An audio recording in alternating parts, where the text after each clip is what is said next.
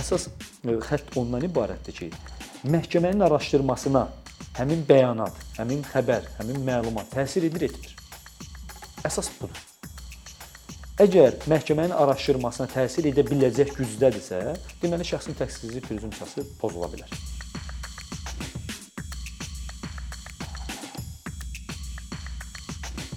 Müəyyən bir yaş dövründə insanlar öz hüquqları ilə maraqlanmağa başlayırlar və öyrəndiyimiz ilk hüquq prinsiplərindən biri təqsirsizlik prezumpsiyasıdır.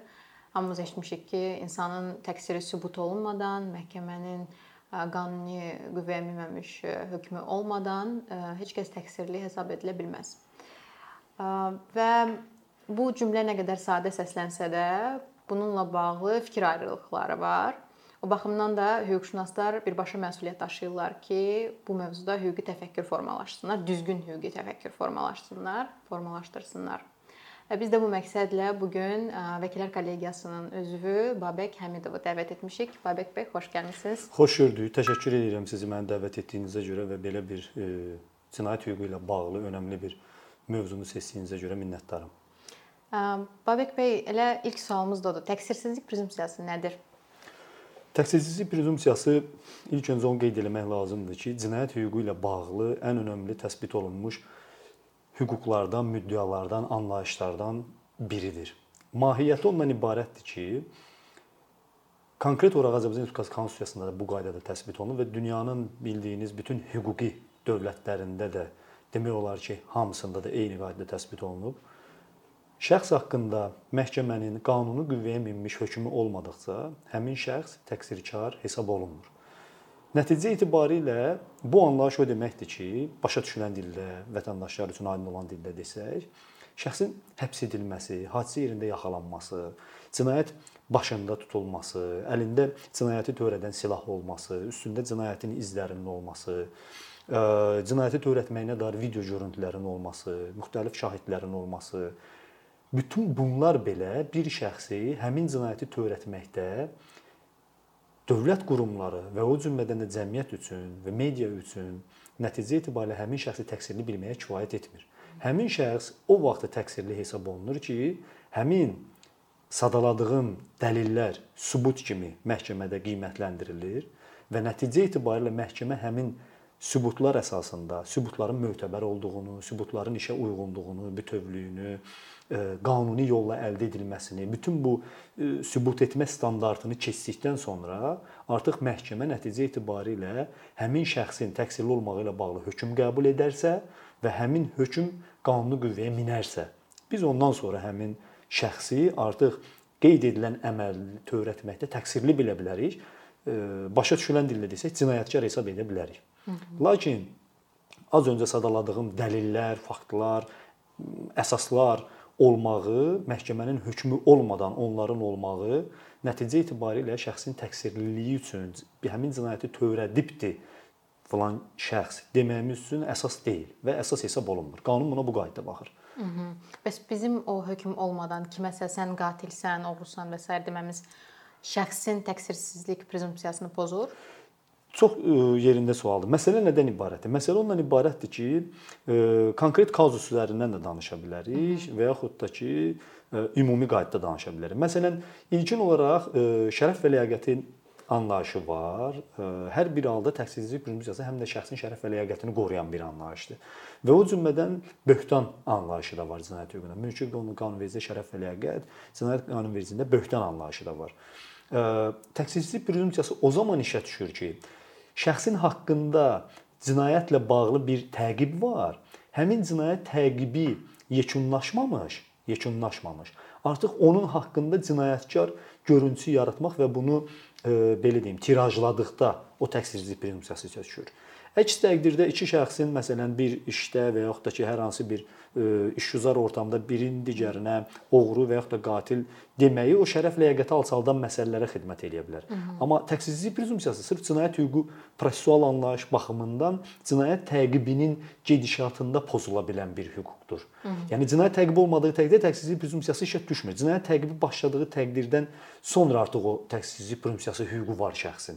Yəni artıq təqsirləndirilən şəxs deyə bilər ki, mənim haqqımda məsələn Azərbaycan Respublikasında mənim ə, fəaliyyət göstərdiyim, hüquqşünas vəkillik fəaliyyəti göstərdiyim 13 il ərzində gördüyüm ən çox təqsirsizlik prezumpsiyası hüququ pozulan şəxs İlkin Süleymanovdur. Yəni Tovuzda 9 yaşlı deməli Nərmin adlı uşağın cinayətində təqsirləndirilən İlkin Süleymanov bunu mənim təsbitimdir mediadan, ictimaiyyətdən ən çox təqsirsizlik prezumpsiyası pozulan şəxsdir. O şəxsin haqqında bu gün də yaxından izləyirəm həm məhkəmə prosesini. Bu gün də qanuni qüvvəyə minmiş məhkəmə hökmü yoxdur. Lakin ilk gündən, ilk dəfədən həmin şəxs polis idarəsinə dəvət ediləndən, həmin şəxslə bağlı ictimaiyyətdə geniş məlumat ötürüləndən sonra ictimaiyyət tərəfindən də, media tərəfindən də, hətta hətta bir çox rəsmi şəxslər tərəfindən də həmin şəxsin təqsizlik prezumpsiyası hüququ pozuldu. Cəmiyyətə artıq o qatil kimi təqdim edildi. Bunu bunu media bilərəkdən və da bilməyərəkdən etdi. Yəni medianın bilməyərəkdən etməyi də onun belə deyim vəziyyətini yüngülləşdirən və yaxşılaşdıran hal deyil. Media bilməlidir. Nəyi necə təqdim etdiyini bilməlidir. Məsələn, cinayət hadisəsi ilə bağlı gündəlik növbətçi verilişlər olar. Məsələn, ola bilər qeyd olunur ki, məsələn, şəxs e, bu gün məsələn Azərbaycan Respublikasında son 24 saatda 2 cinayət hadisəsi baş verib. Məsələn, bir məsələn, baxın sözdə nə deyir? 2 cinayət hadisəsi baş verib. Birincisi həmin cinayət, həmin hadisənin cinayət hadisəsi olduğuna hələ qiymət verilməyib. Həmin hadisə cinayət hadisəsi olmaya da bilər. Çünki o məhkəmənin yekununda ona qiymət verilir cinayət hadisəsi. Məsələn, onu qeyd, qeyd eləmək olar ki, məsələn, daha dəqiq hüquqi terminlərdən istifadə etmək olar ki, cinayət tərkibinin əlamətləri olan hadisə baş verib və yaxud da əməl törədilib. Belə demək olar. Çünki cinayət tərkibinin əlamətləri var. Bir əməlin cinayət olmağını özündə ehtiva edən əsas cinayət tərkibinin əlamətlərinin həmin əməldə olmağıdır. Həmin cinayət tərkibinin əlamətləri hər biri olduğu təqdirdə tam belə deyim də hüquqi nəzəriyyəsinə keçib izah etmək istəmirəm. Əlamətləri olduğu təqdirdə, elementləri olduğu təqdirdə məhkəmə ona baxır və o bütövlükdə məhkəmənin hüquqi sübut etmə standartından, ədalət mühakiməsindən keçdikdən sonra hökm qəbul olunur və ondan sonra bir neçə şey aydın olur. Birincisi aydın olur ki, əməl cinayət imiş, ikincisi aydın olur ki, bu cinayəti törədən şəxs budurmu, yoxsa bu deyilmi? Həmin şəxs artıq təqsirli bilinir bu cinayəti törətdiyinə görə yoxsa yox. Yəni artıq girişdə Bizdə media qurumlarında bu səhvlik var. Məsələn, Bakı şəhərində 2 cinayət hadisəsi baş verib. Yəni həmin həm baş verib, hadisə baş verib. Hadisədə cinayət tərkibinin əlamətləri də ola bilər, amma bunun cinayət hadisəsi olduğuna məhkəmə qərar verəcək. Bu bir. İkincisi saxlanılan şəxslərlə bağlı məsələ deyirlər. Çox yaxşı haldır ki, bir çox media qurumları artıq iki şəxs saxlanılmışdır deyir. Məsələn, bu yaxşıdır. Saxlanıla bilər, hər kəs saxlanıla bilər. Amma e, artıq onu məsələn törətməkdə təqsirli bilinibdi demək və yaxud da ki onları məsələn bu şəxs törətməyi ilə bağlı etiraf etdikləri ilə bağlı yəni media elə ehtiyatlı davranmalıdır ki, həmin təqdim etdiyi o belə deyim, məlumat niyə burada çox medianın adını istifadə edirəm? Çünki insanlarda hadisəyə və şəxsə münasibətdə fikri media yaradır. Bu media dediyim bura sosial mediada aiddir, xüsusilə sosial mediaya aiddir. Çünki bu gün ictimai fikrə çox təsir edən demək olar ki, o sosial mediadır və o cümlədən kütləvi informasiya vasitələri, televiziyalar bura daxildir. Çünki media şəxsi necə təqdim eləyirsə, hadisəyə münasibətdə baş vermiş cinayət tərkibinin əlamətləri olan hadisəyə münasibətdə şəxsi necə təqdim edirsə, ilkin fikir cəmiyyətdə o qaydada formalaşır. Artıq cəmiyyət deyir ki, bu şəxs bu cinayəti törədibdir və o artıq ona cinayətkar gözü ilə baxır. Həmin şəxsin özü saxlanılıb. Məsələn, tutalım ki, yerləşdirilibdir hansısa saxlanma yerinə. Müvəqqəti tədqiqatxana da ola bilər, digər yerlərdə ola bilər. Amma həmin şəxsin ailə üzvlərinə münasibətdə artıq həmin şəxsin təqsirsizlik prezumpsiyası hüququ pozulur. Artıq onun ictimai qınaq yaranır, ictimai təcrid yaranır. Yəni o hadisənin Yəni baş verən hadisənin miqyasından asılı olaraq. Yəni deyirəm, baş verən hadisənin miqyası nəticə etibarilə İlkin Süleymanov e, belə deyim, işində göründü ki, onun ailə üzvlərinə də, yaxın ətrafına da çox ciddi təsir etdi. Düzdür, bu gün artıq müəyyən bir o işlə e, ictimaiyyət baxımından normallaşma var. Artıq əvvəlki qaydada kütləvi şəkildə həmin işə belə deyim, o şəxsin təqsirləndirilən şəxsin e, təqsirsizlik prezumpsiyasının pozmaq gözü ilə baxmırlar. Amma ilkin mənada yaranan ajotaj, o hadisənin böyük ajotaj törətməyi, hadisənin olduqca ciddi, həssas bir hadisə olmağı və nəticə etibarilə təqdim edilən şəxsin media tərəfindən, kütləvi informasiya, sosial media tərəfindən, fərdi şəxslər tərəfindən o qaydada təqdim edilməyi onu artıq qatil obrazı, cinayətkar obrazı məhkəmə hökmü olmadan artıq onu biz o qaydada elan elədik. Bəs nə düşünürsüz? Yəni bu təqsirsizlik prezumpsiyasının pozulması üçün subyekt nə qədər vacibdir bizim üçün? Yəni bunu edən subyekt tutalım ki, məsələn Avropa məhkəməsinin daha çox yanaşması bu mövzuda elədir ki, indi o mövzuya da gələcəyik təbii ki ki bir hüquqi nəticə yaradırsa bu, tutalım ki, bu prokurorluq olsun ya digər hüquq mühafizə orqanları olsun. Onlar yəni birbaşa media özündən o məlumatları vermir. Nəyisə istinad edir kiməsə istinad edir.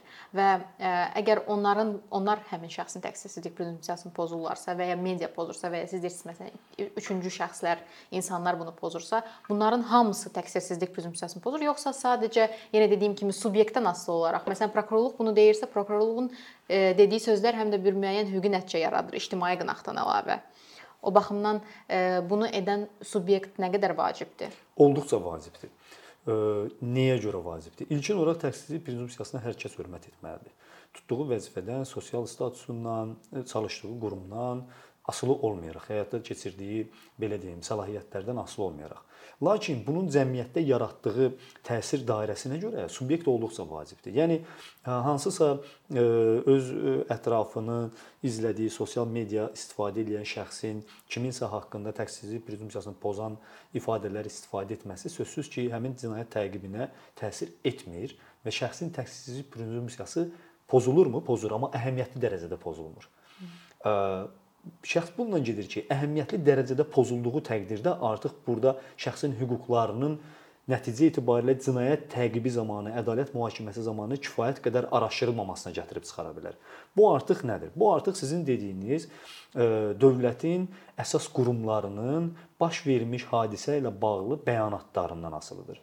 Bu bəyanatlar olduğu təqdirdə artıq cəmiyyət düşünür ki, olduqca ciddi bir qurum, Məsələn, Azərbaycan Respublikası Baş Prokurorluğu, Azərbaycan Respublikası Dövlət Təhlükəsizlik Xidmətinin birgə əməliyyatını keçirməsi nəticəsində filan cinayəti törətmiş şəxslər saxlanılıb. Baxın, bu e, bir məsələni deyimsə, biri var bəyanat yayma, biri var məlumat xarakterli. E, Avropa məhkəməsinin e, eyni qaydada olmuş işlərlə bağlı müxtəlif qərarları var birində bəyanatla bağlı məsələlərdə, məsələn, baş vermiş cinayət hadisəsi ilə bağlı məsələdə iki dövlət qurumu və yaxud da üç dövlət qurumu birləşib birgə bəyanat yayırlarsa və bu birgə bəyanatı dövlət televiziyasında ayrıca xüsusi vaxt ayrılırlarsa, həmin e, sırf e, hadisə ilə bağlı bəyanat səsləndirilirsə, artıq bu məhkəmənin müstəqilliyinə təsir edən hala qədər gətirib çıxara bilər.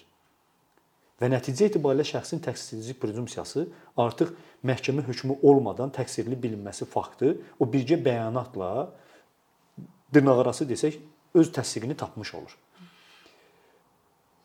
Digər bir məsələ. Avropa məhkəməsində mən kazusun adını dəqiq deyə bilmirəm, amma işlərdən biri odur ki, şəxs e, baş vermiş hadisə ilə bağlı e, televiziyada göstərilən məlumatlar nəticəsində saxlanmağı, evində axtarış keçirilməyi, televiziya mətbuatına sızır və nəticə etibarilə şəxs Avropa məhkəməsinə müraciət edir ki, mənim evimin göstərilməyi, mənim e, cinayət hadisəsinə bağlılığımın göstərilməyi mənim yaxın ətrafımda mənim cinayətkar obrazımı yaratdı. Şəxs yekunda bəraət aldıqdan sonra müraciət edir həmin televiziya şirkətinə qarşı ki, bəs bu məlumatların verilməyi zamanında mən saxlanılarkən mənim şəxsi həyatımı pozdu və təqsirsizlik prezumpsiyası ilə qorunan hüququmu pozmuşdu. O daha çox şəxsi həyatla bağlı müraciət etmişdi. Avropa məhkəməsinin mövqeyi onda belə oldu ki, e, təqsirsizlik prezumpsiyası, şəxsi həyat və demokratik cəmiyyət üçün zəruri olan məlumatların əldə edilməsi. 3 e, belə deyim də, e, anlayışın prizmasından baxdı bu işə və orada incə bir xətt müəyyən elədi. O incə xətt nədən ibarətdir? Az öncə dediyim kimi, əgər böyük qurumlar, dövlət qurumları, nüfuzlu dövlət qurumları birgə bəyanat yayaraq bir hadisəyə, bir epizoda, bir şəxsə aid birgə bəyanat yayırlarsa və bunu dövlət o orqanların, dövlət qurumlarının belə deyim, saytları, televiziyaları və yaxud da digər kütləvi informasiya vasitələri e, xəbərlərin xüsusi buraxılışında və yaxud da xəbərlər proqramının əsas hissəsində təqdim eləyirlərsə, bu şəxsin təqsirsizlik prezumpsiyasına nəticələnə bilər. Avropa məhkəməsinin bu qaydada e, belə deyim, e, presidentləri var. Lakin Avropa məhkəməsi qeyd edir ki, həm də demokratik e, deməli cəmiyyət üçün zəruri olan informasiyalar yaşadığı şəhərdə, yaşadığı rayonda, yaşadığı ölkədə baş verən cinayət xarakterli cinayət tərkibinin əlamətləri olan hadisələrlə bağlı informasiya almaqdır. Bu həm də demokratik cəmiyyət üçün e, zəruri məlumatlardan biridir. Orda incə xətt ondan ibarətdir ki, əgər bir cinayət hadisəsinə xüsusi yer ayrılırsa və o xüsusi təqdim olunursa, onun təqsirsizlik prezumpsiyası və o cümlədən də şəxsi həyatın pozula bilər, şəxsi həyat hüququ pozula bilər. Lakin bu xroniki xəbər ardıcıllığı ilə verilirsə, məsələn, bir neçə cinayət hadisəsi ilə bağlı məlumat 1 dəqiqəlik sujetdə 5 cinayət hadisəsi ilə məsələn Bakı şəhərinin Nəsimi rayonunda bu hadisə baş vermişdir. Məsələn, Xəzər rayonunda bu hadisə baş vermişdir. Binə məsələn Binə qəsəbəsində bu hadisə baş vermişdir. Sadəcə hadisələri sadalamaqla, xronoloji ardıcıllıqla informasiyanın verilməyidirsə mətbuat tərəfindən artıq bu şəxsin üzü göstərilsə də, onun yaşadığı yer göstərilsə də, onun saxlandığı cinayət ehtimal edilən hadisənin elementləri deyilsə də, həm şəxsi həyat hüququnu, həm də ki, təqsirsizlik prezumpsiyasının pozulması deyil. Çünki bu demokratik cəmiyyət üçün zəruri olan məlumatı mediada vəzifəsini yerinə yetirməlidir. Yəni burdakı bu incə xətt subyektlə bağlı məsələdə bundan ibarətdir. Subyekt olduqca önəmlidir və o təqsirsizlik prezumpsiyasına ciddi zərər vurmağı, az zərər vurmağı və yaxud da ki, əhəmiyyətli dərəcədə zərər vurmamağına görə ölçülə bilər. Əsas belə deyim, əsas xətt ondan ibarətdir ki, məhkəmənin araşdırmasına həmin bəyanat, həmin xəbər, həmin məlumat təsir edir, etmir. Əsas budur.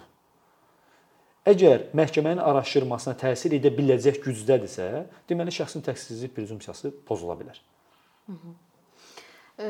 Bəs şəxsin təqsirsizlik prezumpsiyası pozulubsa, nə, nə edə bilər onun hüquqlarının bərpa edilməsi üçün?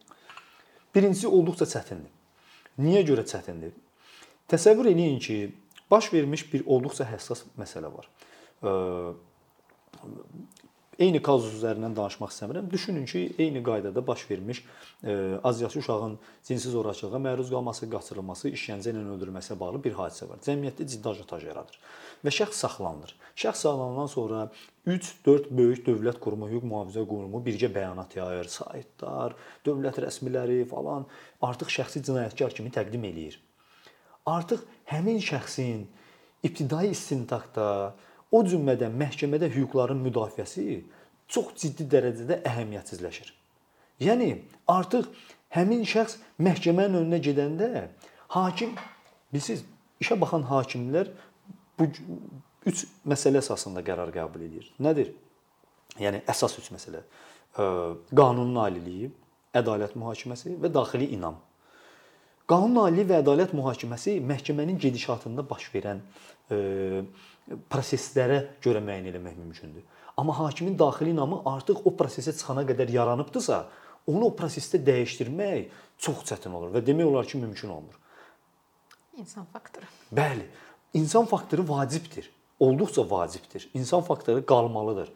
Amma o daxili inama biz təsir edəcək vasitələri aradan qaldırmalıyıq. Biz onu aradan qaldırandan sonra hakim artıq daxili inamına əlavə hər hansı bir informasiyanın, əlavə hər hansı bir bəyanatların, kütləvi informasiya vasitələrindən gələn məlumatlar təsir etmədən prosesə girəndə artıq o hər üç fakt üzrə araşdırmasını təmiz apara bilmək qabiliyyətində olur. Lakin biz onun daxili inamına məhkəməyə qədər təsir ediriksə, artıq e, həmin şəxs daxili inam cəhətdən şəxsin təqsirsizlik prezumpsiyası öz-özlüyündə artıq pozulmuş olur. Və bu olduqca təqsirləndirilən şəxsin özü üçün də və onun müdafiəçiləri, vəkilləri üçün də çox ciddi ağır yükdür. Bunun altından çıxmaq demək olar ki, mümkün olmur. Məsələn, mən sizə bir məsələni deyim. Elə məhkəmə iclasları olur ki, məsələn, təqsirsizlik prezumpsiyası var. Təqsirsizlik prezumpsiyası varsa, hüquqda təqsirlilik prezumpsiyası da olub, işləyibdi. Təqsirsizlik prezumpsiyası öz-özlüyündə sadəcə bir ad deyil və bir cümlə deyil. Həm də təşxisi prezumpsiyasının təsbit olunduğu ölkələrdə cinayət təqibi ilə bağlı məhkəmənin hansı e, çərçivədə araşdırmasını müəyyən edən bir söz, bir e, müddəadır, bir normadır. Yəni o müəyyən eləyir ki, təqsirləndirilən tərəf və müdafiəçi getməlidir məhkəmədə, oturmalıdır belə və sadəcə bir söz deməlidirlər. Bizim bu cinayəti törətməyimizi sübut eləyin prokurora, ittihamçıya, dövlətə. Məhkəmə qarşısında və ictimaiyyət qarşısında dövlət qurumu kimi, dövlət ittihamı müdafiə edən qurum kimi baş prokurorluq öz prokuroru ilə, yəni ittihamçısı ilə hər kəsə sübut etməlidir ki, bu şəxs bu cinayəti törədib. Yəni təqsirsizlik prezumpsiyası bunu deyir. Bu o deməkdir ki, dövlət bütün vasitələr, dövlət özünün bütün vasitələrlə ibtidai istintaqa, müstəntiqə, qanunvericiliklə səlahiyyətlər verir ki, cinayət hadisəsinin açılması, sübutların toplanması, bütün bu məsələlərdə çox geniş səlahiyyətləri var. Vəkillərdə yoxdur. Müdafiə tərəfində yoxdur. Bunun özü bir hüquqi çəkmə prinsipinə ziddir, zidd deyil, o ayrı mövzudur. Amma ibtidai istintaqda dövlətin bu səlahiyyətləri var. Bu gün olmalıdır, bu, qaydada da qalmalıdır. Amma aşağı-yuxarı müdafiə tərəfinə də bu hüquqlar verilməlidir və bu barədə artıq ümumi e, belə deyim, dövlətlərdə də proseslər getməkdədir ki, tərəflərin o e, çəkmə prinsipindəki tarazlığı müəyyən edilsin. Söhbət burada ittiham və müdafiə tərəfindən gedir. E, dövlət o bütün resurslarını istifadə edib cinayəti açmalı və o cümlədən də cinayəti açdıqdan sonra həmin cinayətin məhz həmin şəxs tərəfindən törədildiyini ictimaiyyətə və həmin şəxsin özünə sübut etməlidir. Bu dövlətin birbaşa olaraq təqsirsizlik prezumpsiyası ilə öz üzərinə götürdüyü vəzifədir. Yəni təqsirləndirilən şəxs az öncə dediyim kimi və onun müdafiəçiləri məhkəmədə gedib oturub sadəcə dinləyə bilərlər. Həmin sübutlar kifayət etmədikdən sonra məhkəmə xüsusi bir müdafiə olmadan, yəni passiv müdafiə ilə belə məhkəmə hökm verə bilər ki, şəxs törədilən cinayət hadisəsinə bağlılığı müəyyən edilmədi, sübutlar kifayət edilmədi və yaxud da törədilən cinayət cinayət əməl cinayət hesab olunmur və yaxud ümumiyyətlə cinayət hadisəsi baş verməyib. Bu bəraətin əsaslarıdır cinayət prosessual məcəlləsində. Bunları qeyd etməklə. Siz gördünüz burada mən müdafiə tərəfinin hər hansı bir sübutlar toplamaq və yaxud da nələrsə digər vasitələr saymadım. Çünki təqsirsizlik prezumpsiyası sübut etmə yükünü e, birbaşa olaraq verir və öhdəlik olaraq qoyur ittiham tərəfinin üzərinə. Bu təqsirlik prezumpsiyası var, təqsirlik prezumpsiyası. Təqsirlik prezumpsiyası o idi ki, bizdə bu işləmir, qanunvericimizdə təsbit, təsbit olunmur. Bunu niyə deyirəm? Təqsirlik prezumpsiyası, təqsirlilik prezumpsiyası odur ki, artıq müdafiə tərəfi təqsirləndirilən şəxs sübut eləməlidir ki, onlar baş vermiş cinayəti törətməyiblər. Bu absurddur, amma hüquqda köhnəlmiş vərəqlərində, cinayət prosessual məcəllələrində, cinayət məcəlləsində olmuş bir anlayışdır, konstitusiyalarda olmuş bir anlayışdır.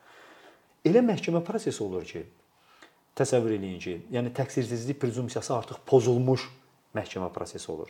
Yəni şəxs haqqında təqsirsizlik prezumpsiyası o qədər önəmli bir hüquqdur ki, şəxs haqqında dövlət qurumları, kütləvi informasiya vasitələri cinayətkar obrazı yaradırlarsa məhkəmənin hökmü olmadan, məhkəməyə qədər hakimdə daxili ilə formalaşırsa, artıq orada nə təqsirsizlik prezumpsiyası işləyir, nə də ki təqsirlilik prezumpsiyası işləyir.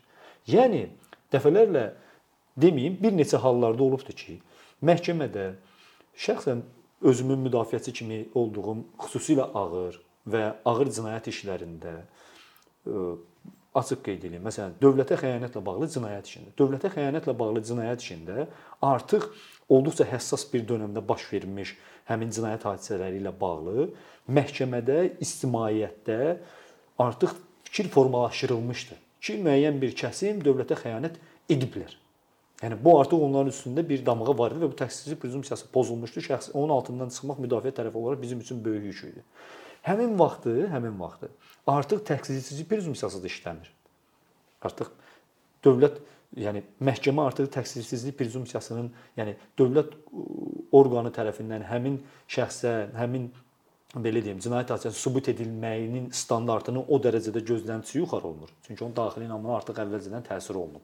Yəni kütləvi informasiya vasitələri ilə və o cümlədən də bəyanatlarla təsir olunub, o daxili inamında formalaşdırıb məhkəmə. Və o cümlədən də Təqsirlilik prezumpsiyası mən məhkəmədə deyirəm ki, hörmətli məhkəmə, təqsirsizlik prezumpsiyası bir yana, ən azından bizə şərait yaradın ki, biz təqsirlilik prezumpsiyasından olan hüquqlarımızdan istifadə eləyək. Özümüz müdafiəni quraq. Özümüz, məsələn, biz müdafiəni necə qururuq? Məsələn, ibtidai istintaq orqanı həyata keçirən orqanlar qədər bizim səlahiyyətlərimiz yoxdur. Biz müdafiəni məhkəmənin vasitəsilə qururuq.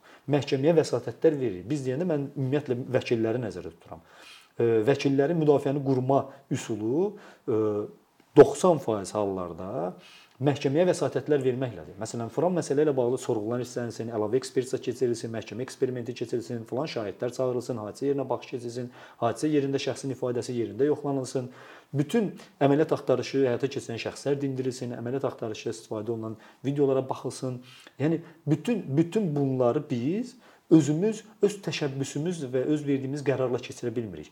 Biz bunların keçirilməyi ilə bağlı təkrar və yaxud da ki, əlavə məhkəməyə vəsatət verə bilirik.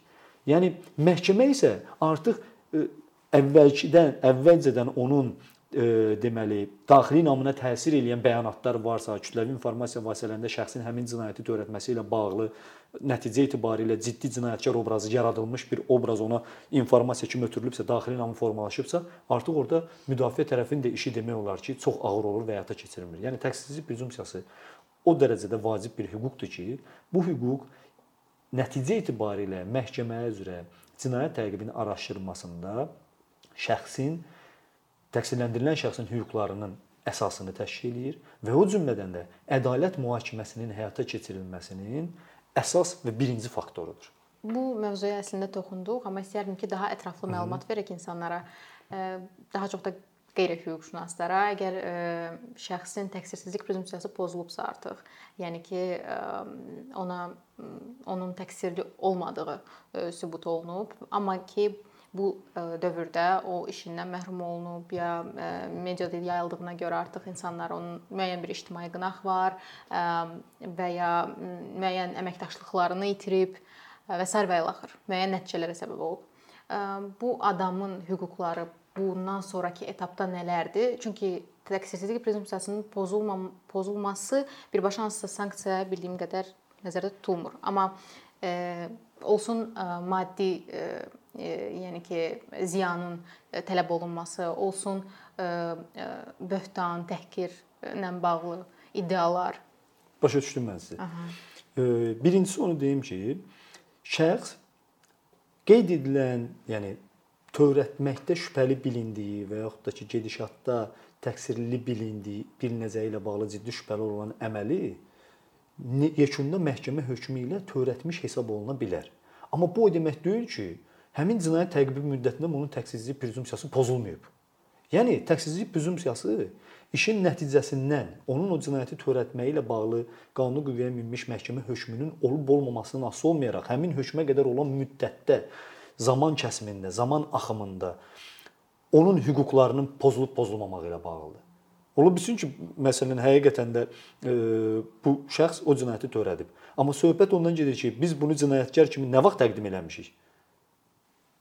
Məhkəmə hökm olmadan əvvəl. Deməli, artıq onun hüququ pozulubdur. Bəli bütün, yəni qanunverici deyir ki, bütün o e, sözlərini, onu cinayətkar kimi təqdim etməklə bağlı bəyanatlarını və ya da digər məsələləri saxla hökmdən sonra, yəni anlaşılan anlaşılan başa düşülən şəkildə desək, qanunverici deyir ki, şəxslə bağlı sənin e, dövlət qurumlarına və ictimai təşkilatlara ciddi tənqid edici e, və təqsirli bilici bəyanatların varsa, onu məhkəmə hökmü qanuni qüvvəyə minəndən sonra da verə bilərsən və onda daha əsaslı verə bilərsən.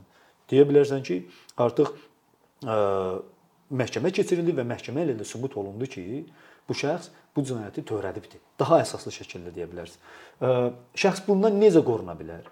Şəxs bundan qorunmağı şəxsin demək olar ki, hüquqi belə deyim də, vasitələr baxımından olduqca məhduddur. Məsələn, demək olar ki, şəxs təqsirli bilinirsə, ondan qorunmağı artıq çox çətin bir hala düşür təqsirli bilinirsə. Şəxs təqsirli bilmirsə, hə, məsələn, böhtanla bağlı cinayət işinin başladılması və yaxud da şərəf ləyaqətin e, qorunması ilə bağlı müdafiəsinə dair mülki qaydada iddia qaldırmaqla bir e, qorunma vasitələrindən istifadə edə bilər. Amma şəxs təqsirli bilinirsə, bu artıq e, belə deyim, onun təqsirsizlik prezumpsiyasında nəzərdə tutulan hüquqlarının qorunması üçün dediyim şərəf ləyaqətin müdafiəsi və böhtanla bağlı məsələlərdən istifadə etməsi artıq aradan qalxır əslində yenə qüvvədə qalır. Çünki o ə, məhkəmə hökmü çıxana qədər onun haqqında böhtan idi o cinayəti törətməsi ilə bağlı verilən məsələlər. Çünki ə, xəbərin verilmə ardıcıllığına baxsaq, bəyanatın yayılma ardıcıllığına baxsaq, o o qaydadadır. Yəni nəticə etibarilə desək, bu hüquq özü cinayət hüququ üçün təqsirləndirilən şəxsin hüquqlarının həyata keçirilməsi üçün, cinayət təqibi zamanı ədalət mühakiməsinin həyata keçirilməsi üçün olduqca vacib bir anlayış olsa da, bunun qorunması üsulları çox məhduddur. Yəni bax, əsas məsələ bundan ibarətdir. Çox sağ olun Babik bəy, ətraflı məlumat verdiyiniz üçün, dəvətimizi qəbul etdiyiniz üçün. Təşəkkür edirəm. Sağ olun. Çox sağ olun. Sağ olun. Minnətdaram sizə.